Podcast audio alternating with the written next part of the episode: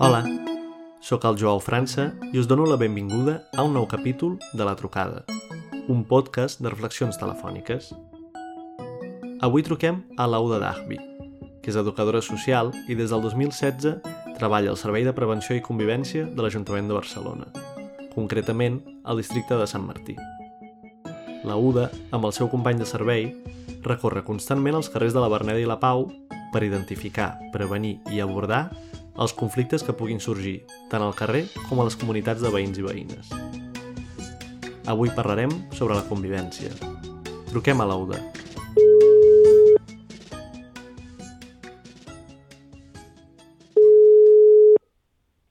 Hola, bon dia. Hola, Lauda, com estem? Bé, bé, bé, què tal, Val? Com estem? Molt bé, gràcies per, per rebre aquesta trucada.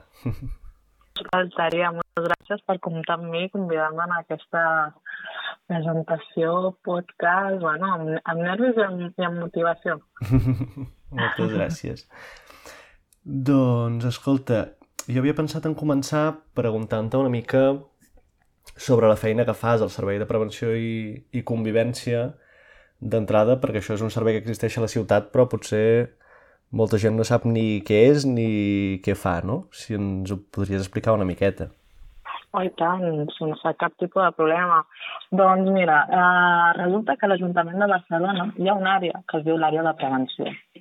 I aquesta àrea de prevenció, que és de caràcter municipal, han intentat establir doncs, diferents línies d'actuació i una d'elles ha sigut establir un servei de prevenció en gairebé tots els districtes de, de Barcelona. Eh, jo formo part del districte de Sant Martí, que és un dels més potents, amb 10 professionals. Uh, clar, en cada districte tenim un tècnic, tècnica de prevenció i és aquesta la persona o, qui s'encarrega una mica de poder ultimar quines funcions, quins objectius es volen treballar des de la prevenció, perquè és una, és, és una mirada molt innovadora de cara a poder treballar tot el que seria la convivència, a tot el tema de la ciutadania, les preocupacions, les necessitats, des d'una perspectiva de, de prevenció és, eh, ha sigut un, un, bueno, un, un gran encert i cosa que això no es feia fa ni 5, ni 10, ni 15 anys. És a dir, que no deixa de ser un servei bastant innovador i, i que intenta donar resposta a necessitats de la, del veïnat d'una manera més eh, de caràcter més horitzontal, és a dir, des de la ciutadania, des d'agents comunitaris, des dels serveis bàsics. Una cosa que a mi m'agrada molt d'aquest servei és que no deixa de ser que som professionals que estem en, a, en, el, en els barris, que treballem a, a peu de carrer i que estem en un contacte, amb un WhatsApp ja ens pots contactar, no? I que també, a més a més de treballar amb les persones individuals, podrem, podem treballar també amb, amb altres agents com poden ser entitats, associacions, altres professionals del circuit. I jo crec que és una manera més humanitzada d'apropar-nos a, la, a, la, a la ciutadania i demostrar una mica que l'administració pública té una cara que és bastant més eh, pròxima que no agafar només una cita per, per, per la web. Clar. Bueno, que ara mateix és més difícil això, no? Aquesta sí, proximitat. Sí, sí. El Covid ens ha fet replantejar i aprendre una mica a contactar amb altres maneres, però bueno, jo crec que la humanitat no deixa de ser... Som humans, som socials, i, i, i ens busquem la manera per poder fer aquestes trobades i, i apropar els serveis a, a la ciutadania. Perquè quan, clar, parles de prevenció i llavors el primer que em ve al cap és per prevenir què, no? Vull dir, què és el que, el que voleu prevenir des d'aquests espais? Doncs la veritat és la prevenció s'ha d'entendre com un tema global. Hem d'entendre que la prevenció eh, està present tant en infància, en famílies, en persones adultes, en gent gran. És a dir, quan parlem de prevenció i convivència es tracta de, de, de, de tenir present i de tenir cura, intentar una mica donar resposta a totes aquelles eh, preocupacions, necessitats que detectem, de situacions que d'una manera o altra poden esclatar d'una manera bastant no lletja, però que si es pot evitar que tingui un impacte negatiu, sigui en una situació d'una família, sigui una situació d'una part d'una problemàtica del barri, eh, a nivell laboral, de donar resposta abans de, de trobar-nos en què, que, que la gent no té cap tipus de sortida. No? Doncs estem parlant de la prevenció d'avançar, de donar una resposta i sobretot de eh, facilitar eines i, i que la decisió la, la prengui la persona no? o el barri en si. Si una problemàtica d'espai públic o sigui una problemàtica individual o familiar. és com quan anem al metge, no? És a dir, no té res a veure si tu has anat fent diferents passos en evitar en arribar amb, amb un grau elevat de, de, de risc amb algun tipus de malaltia que si has fet tot aquest treball de, de, de, de formiga en què tu has fet una mica de cura. No? I la convivència, tot i que és un terme molt viu, no? que, que és el dia a dia i és anar fent i, i compartint la vida amb la gent que et rodeja, eh, també implica una certa actitud eh, proactiva per part de la, del veïnat. I això és una mica l'equilibri o el que intentem una mica impulsar o sacsejar tant entre el veïnat com també per part de, de, dels professionals. Mm -hmm. Perquè en el teu cas tu estàs al, als barris de la Berneda i la Pau i aquí quines preocupacions així com més, més concretes, no? per, per entendre'ns també de quin tipus de, de conflictes estem parlant, per dir-ho així. Uh, òbviament estaríem parlant des de... Clar, nosaltres en el Servei de Prevenció i Convivència tractem com a dos àmbits, no? dos eixos eh, generals. Per una banda estaríem parlant de casos i conflictes que es donen en les comunitats veïnals, sigui molèsties de soroll, sigui tema de morositat, eh, sigui eh, tema d'instal·lació de sensors, infraestructura, també assessorament a òrgans de govern, detecció de, de, de casos de vulnerabilitat, persones grans que viuen soles, persones que tenen algun tipus de discapacitat i des del desconeixement el veïnat no sap com apro apro aproximar-se a aquesta persona, o bé perquè està generant algun tipus de molèstia, o bé des de la mirada de la, de la cura i de, de, de, de, no? I de, de, ostres, estic preocupat, jo, jo crec que aquesta persona necessita algun tipus d'atenció, no? I després estaríem parlant de l'àmbit d'espai públic, que no deixa de ser, doncs, o bé els grups d'infants que juguen a la pilota i a vegades no respecten l'horari de descans, eh, grups d'adolescents que a vegades necessiten una mica d'acompanyament o de contacte amb altres professionals com poden ser els educadors de, a partir del carrer, uh, també molèsties que puguin originar diferents comerços, és a dir, el nostre ventall és molt, molt ampli. La una mica el que detectem en aquest barri eh, estem parlant de moltes, moltes causes, és a dir, no, no es podria englobar, però sí que nosaltres des del Servei de Prevenció doncs, estem donant molta prioritat al tema del maltracte, a la violència de gènere, a intentem que es doni una resposta, intentem que també s'activin diferents circuits, intentem que els circuits que estan establerts per part de l'administració pública es puguin anar actualitzant amb la realitat que ens trobem des dels serveis més mm, pròxims.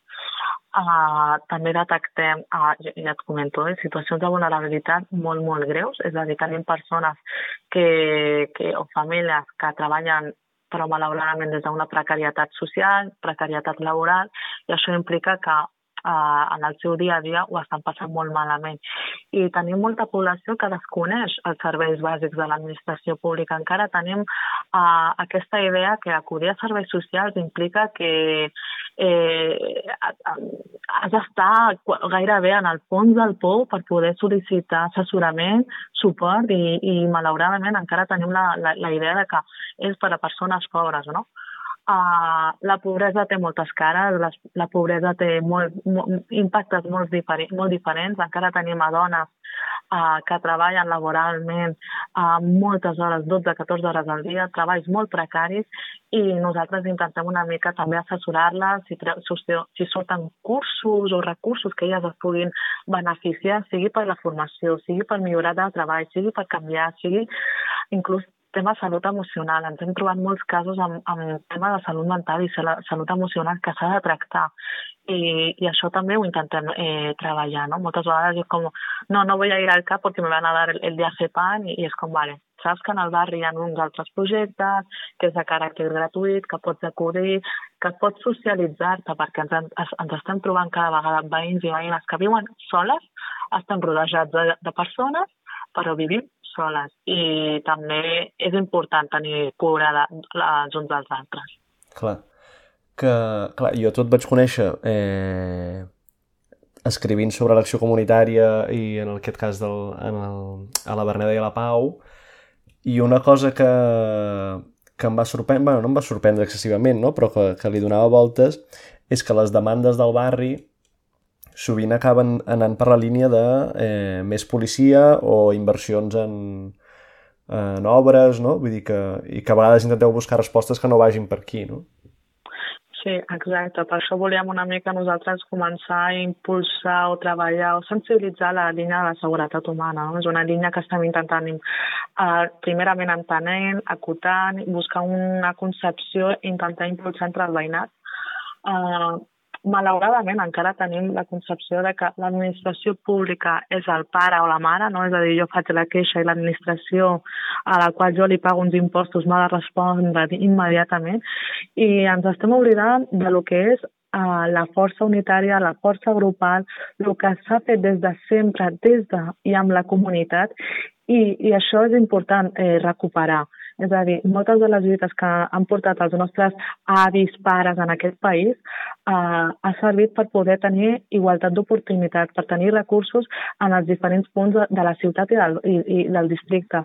Eh, I això, en el dia d'avui, encara, eh, com l'hem perdut, eh, ens anem amb fórmules bàsiques. No? Jo em queixo, eh, tinc una demanda pràcticament individual, necessito que se'm respongui per això.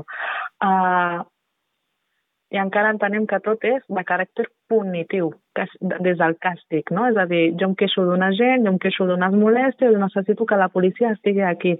Clar, no podem responsabilitzar el 100% a la policia. També ens hem de, nosaltres hem de protegir i, i estar a, a, al carrer i recuperar aquells espais i que siguin positius. És a dir, quan tenim persones que fan unes dinàmiques negatives de cara a la convivència, en part ha estat per l'abandonament que s'ha donat per part dels veïns i veïnes. És a dir, un espai on hi acudeixin infància, canalla, famílies, és molt més fàcil de que es doni un espai de socialització, de coneixement, de contacte, de noms. Eh, hem arribat a un punt que tenim els veïns de, de la porta del davant i que no coneguem ni el seu nom, ni... Això és molt trist.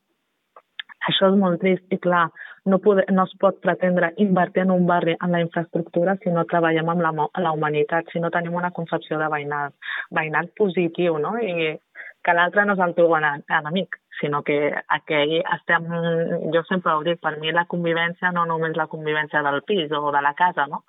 La convivència també correspon a l'escala de, la de la comunitat, a la porta de la comunitat i també al barri el barri ser també casa nostra i clar que et diguin no, no, el barri és competència de l'administració pública de la policia, òbviament la policia ha d'actuar amb certes competències i funcions que per això existeixen els cossos de seguretat, però també hem d'entendre que nosaltres tenim uns drets i uns deures.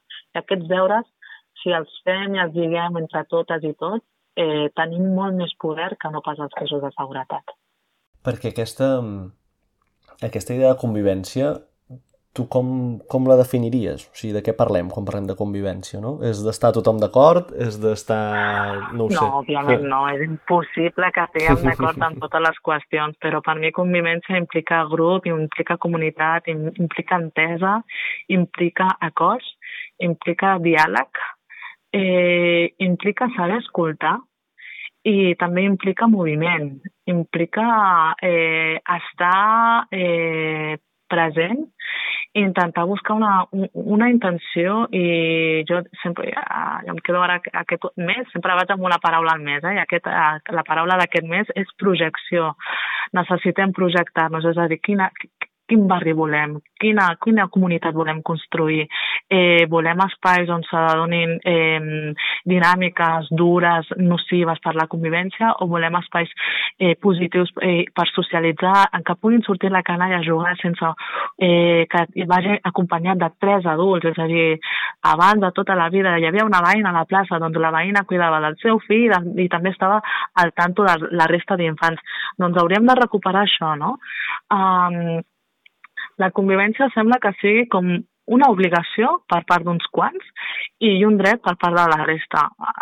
No, això és com una dansa, eh? ens hem de moure entre totes, hem d'implicar-nos, eh, hem de recuperar els agents de tota la vida, les associacions de veïns, els grups eh, de veïns i veïnes que s'implicaven, és a dir, eh, els Sant Joans, les rebelles que es feia germanor, festivitats, no? Ara hem, hem, estem davant d'uns barris buits, uns barris en què tothom pensa en arribar als seus pisos i que la convivència s'entén de caràcter familiar o de, de manera de parella, no? I és com...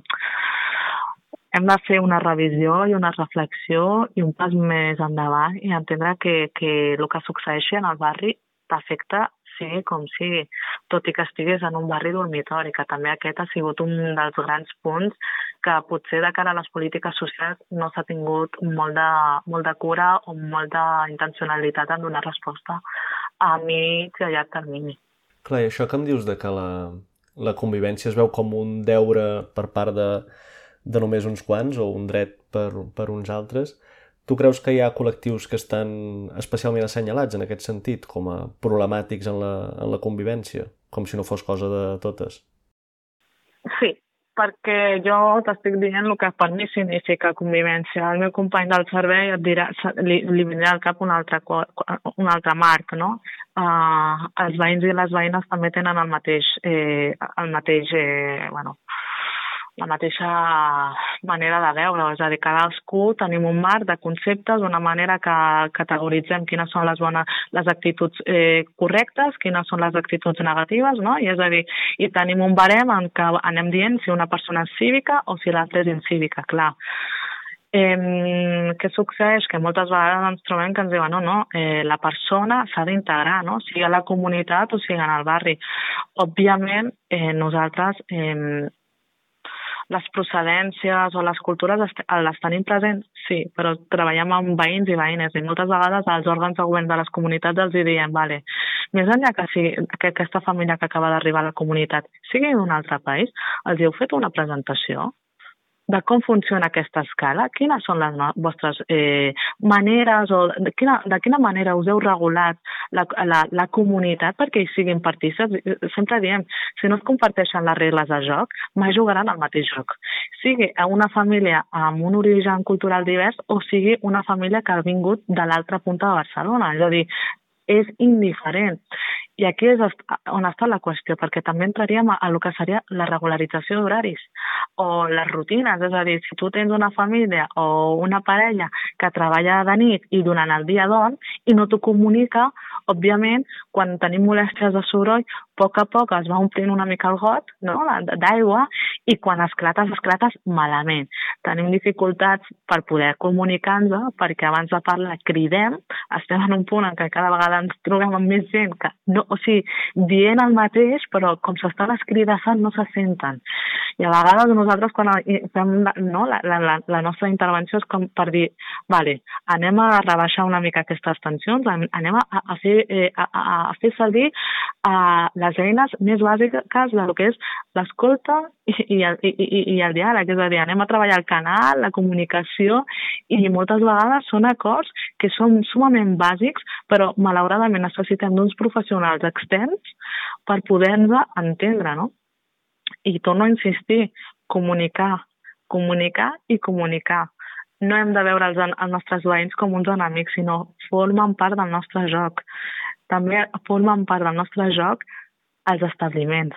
Uau, és a dir, eh, conèixer la senyora Maria o el senyor Mohamed o el, sen eh, o el senyor Lee, clar, és com, això és important, posar noms, un hola, bon dia, un bona tarda, o, pues això són eh, diferents elements que s'han anat perdent. S'han anat perdent i en la convivència això ha tingut un impacte. Ha debilitat el que és la convivència. I què es pot fer com per, per reconstruir no? aquests espais de, de trobada, de parlar abans de cridar, diguéssim? Eh, fonamental accions comunitàries, fonamental conèixer el territori, eh, important deixar, jo sempre dic, un barri eh, se l'ha d'escoltar, les converses de carrer, què diuen la gent gran, quan se'n van a la terrassa a la cafeteria, eh, en el banc, la peixateria, quines són les seves preocupacions, no? Et pots trobar la senyora Antònia que està preocupada perquè la seva filla no arriba a tot perquè és mare soltera i treballa des de les 5 de la, de la matinada, torna a les, a les 10 i després torna a marxar a, la, a les 3 del, del migdia, o et pots trobar al típic xaval que et diu, mira, jo estic aquí a la plaça passant mal la, la tarda, estic avorrit de la vida i això que tu hi diguem 16 anys és com mare meva, no? I que la seva experiència educativa, formativa ha, ha, ha estat una experiència nefasta. Clar, per poder, la, per poder treballar la convivència és primordial treballar des de les accions comunitàries. Aquestes accions comunitàries s'han de treballar amb el que els hi preocupa la gent, no amb les nostres observacions o el que creiem que pot ser idoni de cara a treballar al barri, no, no. Aquí hem de fer una reflexió per part dels tècnics i tècniques, escoltar molt bé el barri, veure fins a on podem fer i sobretot comptar amb el barri. No ha de ser una resposta unilateral, sinó que ha de ser una resposta construïda. Eh, jo sempre dic, vam fer una activitat de maquillatge i d'unyes i ha tingut molt d'èxit i hem arribat a una part del barri de la població del barri que d'una altra manera no hagués arribat, no? Eh, I això és important, buscar espais, espais en què et pots trobar veïns i veïnes des de les diferències que tenen molts punts en comú i són espais de, de socialització espais per recuperar l'orgull i, i, i el sentiment de pertinença d'un territori com pot ser la Berneda de la Pau, Baixos Maresme, el Clot, és a dir, són respostes que han de néixer de la, de la, de la mateixa eh, eh, ciutadania. I aquesta feina, per clar, qui no sàpiga com treballes, diguéssim, com, com us ho feu per, per escoltar el barri no? i descobrir aquestes, aquestes necessitats? La gent ens diuen que ens paguen per donar voltes. Clar, nosaltres, eh, afortunadament, això ha sigut molta feina de, del primer any de, de posar en marxa aquest servei, de posar-nos en contacte amb les associacions, amb veïns i veïnes. Tenim referents veïnals importants, no només associacions de veïns, sinó de qualsevol tipus d'entitat. De, de, uh, veïns i veïnes que, mira, hem entrat en la seva comunitat o bé per donar suport o, o bé per facilitar o buscar alguna resolució d'algun conflicte en concret i que allà hem mantingut la relació, té moltes inquietuds i té moltes ganes de, de, de millorar potser no tot el barri, però potser la part que, que més li toca, no? I és, bueno, doncs et tenim per aquí. Sí que intentem també connectar, a mi m'agrada molt la paraula connectar, no? és a dir, pots trobar una persona, la connectes amb una altra, es van sumant, van sortint idees, eh, també van sortint iniciatives molt maques, per exemple, també jo em guardo molt de carinyo la iniciativa de, de les Bernedes, que no deixa de ser un grup de dones a diferents punts del barri, perquè a més és un barri que està subdividit en quatre, que tenia molt, molts elements en comú i que han decidit doncs, tenir una línia per poder fer sensibilització i, un, i espais segurs per a les dones víctimes de, de la violència masclista. No? Clar, la connexió, el diàleg. Nosaltres tirem de referents, establiments, també tenim comerciants que estan molt implicats amb el barri, no? amb zero coma, quan els comentes alguna situació o ells mateixos et pregunten, escolta, m'ha vingut una persona que ho està passant molt malament, no sabia què dir-li, es diu, li puc passar el vostre telèfon? És com, sí, sí, endavant. Funcionem molt amb WhatsApp, és a dir, intentem estar en el carrer i que ens reconeguin i mira, te puedo presentar a mi hijo que tot no sé què, doncs aquests que ja podem connectar amb un projecte de, de, de, de salut comunitària o de formació per a ser monitor i una mica tirant així. És a dir, que és un barri viu i també és una feina molt viva, trepitjant molt de carrer. Des de l'oficina o des de la taula no s'arriba la gent.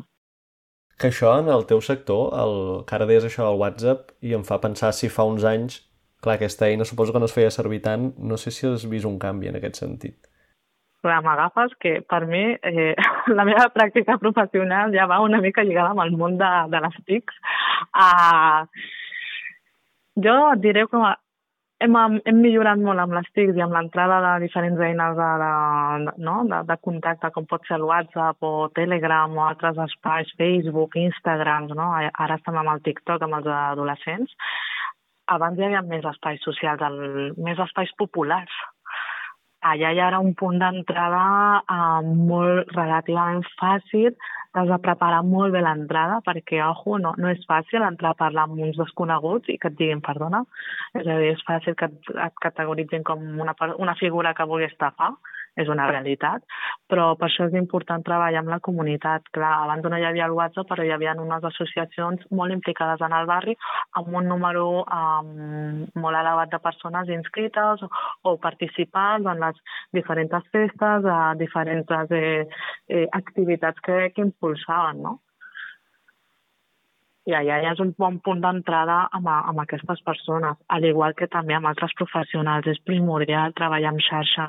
És primordial que altres professionals entenguin una mica la nostra funció, tot i que a vegades ens diuen, bueno, tinc això, vosaltres hi podeu fer alguna cosa, no? És a dir, per preguntar que no quedi.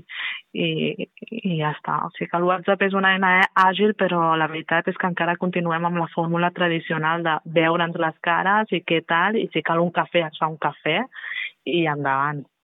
Que també hi ha un tema, clar, tu no vius al, al barri on treballes, entenc no. que hi ha coses que, que potser no... O sigui, que les has de fer diferent sent no? treballadora d'un servei que com les podria fer una veïna. Eh, no sé si això té avantatges, té inconvenients, en quin moment t'ho planteges, no? Home, és prendre consciència de, del teu punt, no? I fins a on pots actuar. Eh, jo crec que totes nosaltres, estiguis on estiguis, la feina que desenvolupes té unes limitacions que per això hi ha unes competències definides, no? És a dir, eh, si, si estigués en categoria de veïna, doncs jo aniria amb unes idees compartides i fins al final, la essent tècnica, doncs has d'entendre que el teu marge de transformació, de connexió, està marcat i no es pot fer més. No? Aquí la, la nostra feina sempre diem que és connectar el veïnat, connectar amb els recursos disponibles i totes les altres accions que surtin busquem que la ciutadania, que el veïnat sigui proactiu, tingui eh, motivació i que, i que endavant. És a dir, nosaltres no podem dir quina és la manera idònia o correcta per poder desencallar algun tema o, o, o, o com millorar el barri, perquè és que de solucions i respostes són tan diverses, és a dir, moltes vegades a dir, busqueu perquè tot ja està inventat, és a dir, no, no hi ha una resposta nova, no s'inventarà res, és a dir, si aquí a Barcelona no s'ha fet o no s'ha donat resposta a la problemàtica que s'ha detectat en, en, en, un, en un altre punt de l'estat espanyol, de Catalunya o del món, segurament hi ha hagut iniciatives molt interessants que es poden eh, mirar de fer-los aquí, no? Ja està hi havia un tema que això jo ho parlava amb la, amb la Berta Carreras, que és una amiga que treballa en un servei com, com el teu en un altre districte, diguéssim, eh, i que ella m'assenyalava que ara ho pensava en relació amb aquesta cosa, no? de ser tècnica o no ser o no ser tècnica, que sovint acusar una persona o un col·lectiu de ser, no sé, masclista o racista, tot i que ho estigui sent, diguéssim, no? no és útil per avançar en termes de, de convivència, no? No sé si a vegades mmm, com ho veus aquest tema, no? Si a vegades caiem massa com en, en etiquetar la gent i llavors costa avançar o la gent no? costa treballar-hi després, no ho sé. Jo tinc una cosa, Joao, i és que mm, el fet d'estar enmig de dues cultures, portar el vel o el hijab, doncs ja m'ha portat a, a trobar-me en situacions d'aquestes característiques i sempre he intentat una mica anul·lar aquestes etiquetes i anar i presentar-me a la persona o parlar amb la persona en, en qüestió. No? Coneixent a la persona, intentant evitar la nostra ment sempre buscarà de, a, a on ficar, en quin calaix ficar la persona que estem tractant. Um, jo, abans de tractar un, a una persona d'una manera o altra, vull saber què diu, com ho diu i des d'on ho diu, des de quina experiència ho diu. Eh, hi, ha, hi ha punts, per exemple, jo amb les persones masclistes, vaig a fer, em faig un treball constant perquè no és fàcil, no és fàcil, a més a més com a dona hi ha un punt de dir moltes vegades uh, trobant-nos homes i que, i que parlin directament al meu company i a mi m'anulin, doncs és una cosa que és força lleig i, i això dol perquè uh, l'any 2020 que encara tinguem actituds d'aquestes característiques fa molt de mal i no només per la, homes una mica més grans, eh, que també estem parlant de joves. I aquí és molt important comptar amb uns companys i companyes de, de feina i de, de, de barri on podem intentar treballar i trencar això, no? És a dir, moltes vegades eh, sembla broma de dir la catalana de turno, no? I la catalana de turno resulta que se llama Uda, de pares marroquins, i que em resulta molt més còmode parlar català que no parlar el castellà, no? I és com, com que catalana de turno? És com, sí, sí, la que està aquí delante, no? I una mica intentem quan ens trobem en aquestes situacions és posar l'interrogant. És que en cinc minuts, en mitja hora, en una hora i mitja d'intervenció és impossible canviar una persona. Però sí que és possible deixar una petita llavor, aquells interrogants que tu pots deixar no, a mesura que vas parlant amb ella i que, que es quedi amb aquest punt de reflexió perquè sí que hem notat certes, eh, no una millora mm, important, però sí unes petites modificacions. Òbviament, quan estem parlant de situacions força complicats i, i molt, molt greus, eh, ja estem parlant d'activació d'altres serveis, d'activació d'altres circuits, on la urgència recau, per exemple, en cas de violència masclista, de la protecció de la dona i en cas de que hi, ha, hi, ha, hi hagi menors, dels menors. No tant de anem a fer un treball de sensibilització... No, no, no. És a dir, mesurar molt bé la situació, mesurar on estàs tu ubicada, perquè també hi ha un punt de dir ets professional, però ets persona, has d'entendre que hi ha un perill, que hi ha uns riscos i fins a quin límit estàs disposada a arribar, no només per tu, sinó també per part del servei i del teu company. Però, bueno, sempre dic que el racisme, el masclisme, eh, la fòbia cap a les persones sense llar, eh, la multiculturalitat, no?, que són temes molt, molt complexos i també davant d'una persona que et pot eh, deixar caure un parell d'estereotips i estigmes molt, molt, molt heavies, doncs també s'ha d'entendre quines han sigut les seves experiències perquè també hem d'entendre que, les que, que, que la convivència sempre dona doncs, un punt de, de, de positiu, de comunicació, de, de mira, tengo a mis amigas, es vecina y tal, y tal, qué bien, qué buena gente, a he tingut una familia que me han dado dolores de cabeza y he acabado eh, tomándome pastillas para dormir i resulta que, que són d'un altre lloc i no han sigut agradables. Bueno, es que hay bueno y malo en tots lados i a vegades amb la, amb la bandera de convivència doncs anem a, a fer diàleg, no? I és com, hi ha situacions que no es poden tractar des del diàleg, ja ens, ens trobem amb persones doncs, dolentes, amb actituds dolentes i també hem de ser conscients amb això, punt. O sigui que el diàleg i, i la construcció veïnal i la comunitària són bones eines, però també hem de ser conscients quins són el tipus de conseqüències que estem buscant i quina és la situació que s'està eh, desenvolupant. Que a vegades quan hi ha, hi ha conflictes i busquem assenyalar les, les causes de fons d'allò, no? Vull dir que no és, eh, per exemple, l'origen d'una persona que està en el centre d'un conflicte, sinó és la situació en la que està vivint, no? O la situació d'exclusió oh, que pateix. Oh, i tant. I a més hi ha unes causes que estan establertes per la societat en si. És a dir, si tu tens un pis amb menys de 50 metres quadrats amb una construcció de, de, de les parets, arquitectònica, molt, molt dèbil, perquè ha sigut una construcció de necessito ficar uns quants obrers en un barri dormitori perquè em doni una resposta a la societat capitalista que estic fomentant, implica que l'EAMA eh, pugui tenir aluminosi, pugui tenir unes molèsties de soroll perquè les parets són de paper, puguis tenir un grup de persones mal vivint en un pis de 50 metres i són 10 persones, que el seu objectiu és treballar i poder tenir una mica de menjar i, i subsistir, clar, després tens altres persones que diuen, no, és que esos me están molestando y me están, me están, me vale, puedes hacer un poquito de, de trabajo, de reflexió, d'entender que tu trajectòria vital no és igual que la trajectòria vital de les persones que tens al davant? Has fet aquest, aquesta pregunta d'on venen? Clar, estem parlant de causes tan sumament diferents. Clar, poden ser causes de la societat, però després causes de manera eh, individual. Fa poc ens vam trobar amb una dona que li molestava tothom i tot, però perquè ella no estava bé, necessitava atenció psicològica. Què passa? Que aquesta dona pensionista no es podia permetre anar a una psicòloga. Clar, és un servei que en barris com aquests no deixen de ser serveis de luxe. Doncs aquí la nostra feina ha estat, vale, més enllà de tractar també amb, amb l'altra part de, de, dels veïns, una mica treballar els horaris, molèsties, quines són les dinàmiques de casa, també ha estat facilitar-li un recurs eh, d'atenció psicològica per a ella de manera gratuïta. I això ajuda molt a rebaixar les tensions, a treballar l'empatia i la comprensió, a entendre que els horaris són diferents, però mira, han pogut arribar a uns certs acords en quant a hores de, de, de, de, no, al matí, a l'hora d'anar-se a dormir. No? I són petits elements que ja et dic, molts dels acords són elements molt, molt bàsics.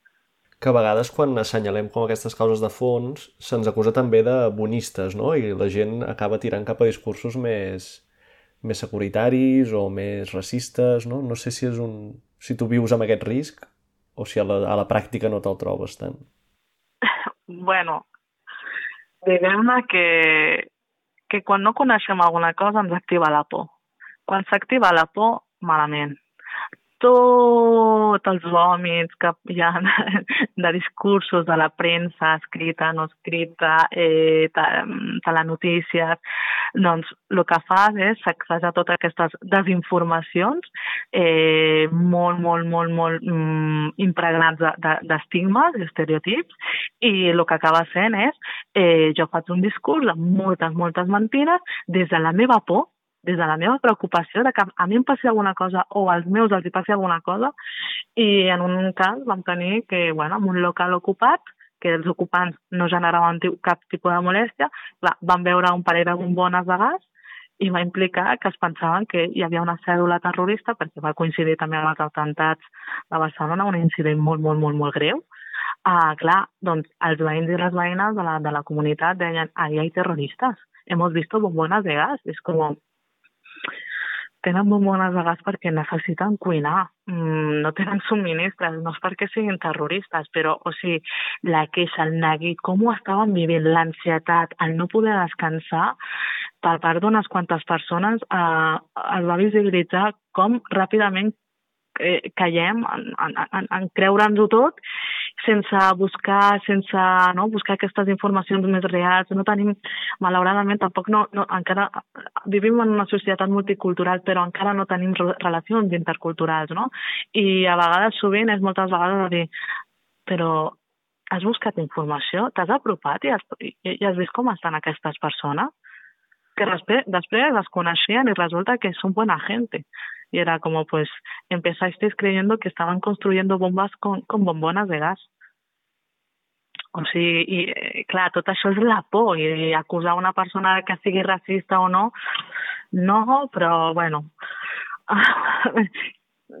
són les experiències i, i les preocupacions el que generen les nostres idees, no?, o les nostres teories. Clar que potser igual que busquem les, les causes de fons de, dels conflictes, les hem de buscar en aquest sentit, no? D'on venen aquestes actituds, aquests discursos, no?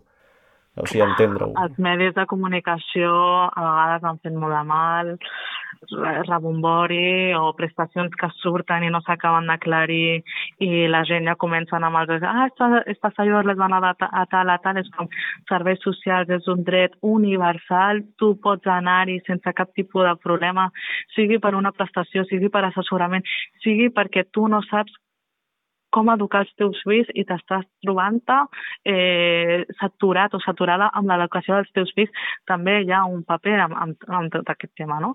I quan convidem és com, jo, no, no, no, jo no soy pobre, jo no soy pobre, és com, da igual, és que no és per la pobresa. Serveis socials és un dret universal, on dona atenció a tota la ciutadania, a totes les demandes, siguin donant suport directe o assessorament o derivació cap a altres serveis més específics que no deixa ser un estigma també la pobresa, no? El no voler rebre aquesta etiqueta, suposo el no voler rebre aquesta etiqueta, la vergonya, la vergonya o el deixar tot a casa i que no es conegui. Uh, malauradament, moltes situacions que ens han arribat en un punt bastant extrem de vulnerabilitat eh, ha estat per això, per la vergonya. I alguns veïns que ens diuen, mira, te, te comunico que pasa esto, ¿cómo lo yo quiero ayudar, pero no quiero que, que sepa que he sido yo, no? És a dir, me preocupo, però des de la invisibilitat, no? És a dir, moltes, nosaltres ho diem que l'administració pública li és impossible saber el que passa a cada família, a cada barri, a cada ciutat. Aquí, eh, qui són uns agents eh, que sumen, que aporten i que poden ser uns agents de detectors són els propis veïns i veïnes. Tenir persones grans que viuen soles i que necessiten una atenció més eh, acurada perquè ja, inevitablement ja no poden cuidar-se per si sols o necessiten suport, moltes d'aquestes persones no acudeixen a sol·licitar ajuda, no? I, i perquè senzillament no ho saben, desconeixen a quina porta picar. Jo ara et dic ajuntament o districte, Joao, mmm, se t'ocorreria a quina porta anar a, a, a, a sol·licitar visita o cita o o trucar. No, clar, vull dir, hi ha un munt de serveis, no? Vull dir que al final no clar. sabem on està cadascun, quin serveix per què, no? Clar, és que moltes vegades doncs, és que tengo problemes per apagar la escalera i també la luz i el agua, és que claro, però també estan les matrícules, és com, escolta, per la teva situació pots accedir a, a la bonificació social. Què és això? És com, és un dret que té la ciutadania en poder garantir els subministres bàsics més darrere més. Clar, i aquestes informacions o et mous o coneix, o ho coneixes, o si no, eh, clar, ens hem habituat en, en, en els darrers 10 anys, en certes zones de la ciutat, viure des de i amb la precarietat. I és la nova normalitat i això és una de les coses que intentem que no succeeixi.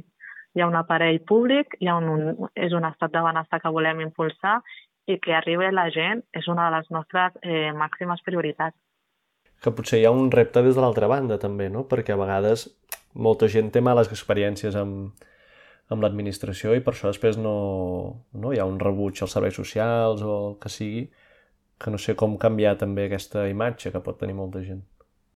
Bueno, és fer entendre que la gent que està darrere d'un tauler, a més són persones, eh, jo no vull ara excusar-me amb tots els professionals, però també s'ha d'entendre que hi ha dies bons, altres dolents, eh, dies que tu també vens amb un neguet, amb un sac a sobre, no? amb un, amb moltes, moltes preguntes, interrogants, eh, preocupacions sobre el teu, el teu cap i a vegades no pots estar al 100%.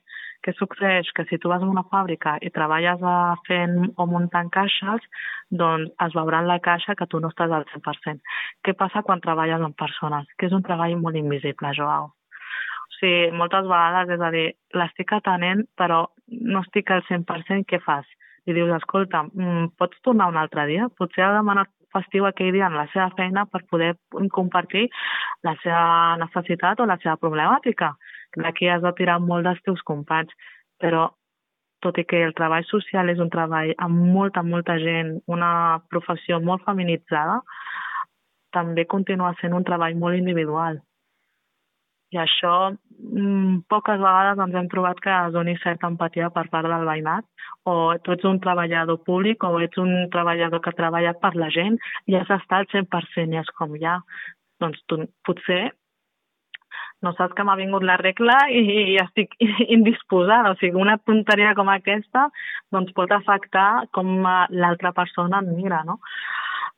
I això, bueno, moltes vegades de dir, escolta, nosaltres som persones i també necessitem un temps, també necessitem a, bueno, intentar desconnectar de la vida personal per poder connectar amb la vida professional. Eh, jo me'n recordo que quan m'estava formant, Joao, una professora ens va arribar a dir que no es podia plorar davant de la persona, no? I dius, bueno, després en el, en el dia a dia t'arriben situacions molt difícils, a mi mm, el maltracte infantil és una de les coses que, bueno, se'm posa la pell de gallina i, i això tu potser ho has tractat a les 10 del matí, però és que a les 4 de la tarda enca encara continues rumiant i donant voltes a la situació i et deixa una mica per terra. O sigui que... I això, bueno, com no es veu, doncs, bueno, en principi hem de saber donar atenció al 100%. Uh, això no queda que també els tempos o com està distribuït, distribuït el sistema eh, i els circuits implica que no es pugui donar atenció de qualitat. I això ens trobem en serveis que estan saturats on que un professional pot tenir 300 expedients. Això mm, no és normal i no hauria de ser. Per això ja no està en mans dels nostres companys professionals, sinó des de dalt. Si no hi ha una inversió, si no hi ha una reflexió, no només econòmica, sinó també la part de, de, de la distribució de, del sistema, de anem a replantejar, anem a canviar, doncs a vegades es donen doncs, respostes o unes pràctiques professionals mmm, de poca qualitat, de poca qualitat, perquè no és normal que et donin un timing com si estiguessis al cap de 5 minuts per atendre quan la persona que ve en aquell moment ve a parlar-te d'un moment de la seva vida eh, on es pot enfonsar-se, on es pot... Clar, tu també has de treballar totes aquestes qüestions, no? Clar. Uda, o sigui portem... Que uns 40 minuts parlant. O sigui que moltes gràcies. Abans només et volia fer una última pregunta, que és què li diries a algú que ens estigui escoltant que no conegui la seva veïna al davant. Que es presenti. Hola, veïna, què tal? Ja està. Amb un somriure, eh, jo crec que el somriure és una... Eh, és el llenguatge universal, internacional, és a dir, hola, bon dia, bona tarda, què tal? És a dir, del Covid-19 hem d'aprendre la comunitat i que vivim amb gent i aquesta gent té nom, té nom i òbviament no cal que siguem amics i amigues, però hola veïna, què tal, com estàs? Em dic Ula, com estàs, Joao? Doncs és una calidesa que hem de recuperar per part de la, de la humanitat. Doncs a veure si aprenem. Moltes sí. gràcies, Uda. A tu, Joao, moltíssimes gràcies per fer-me participar en aquest projecte i, bueno, un plaer compartir amb tu, com sempre. Un plaer. Fins aviat. Igualment, apa, fins aviat. Adéu-siau. Gràcies. Adéu. A tu, adéu, adéu.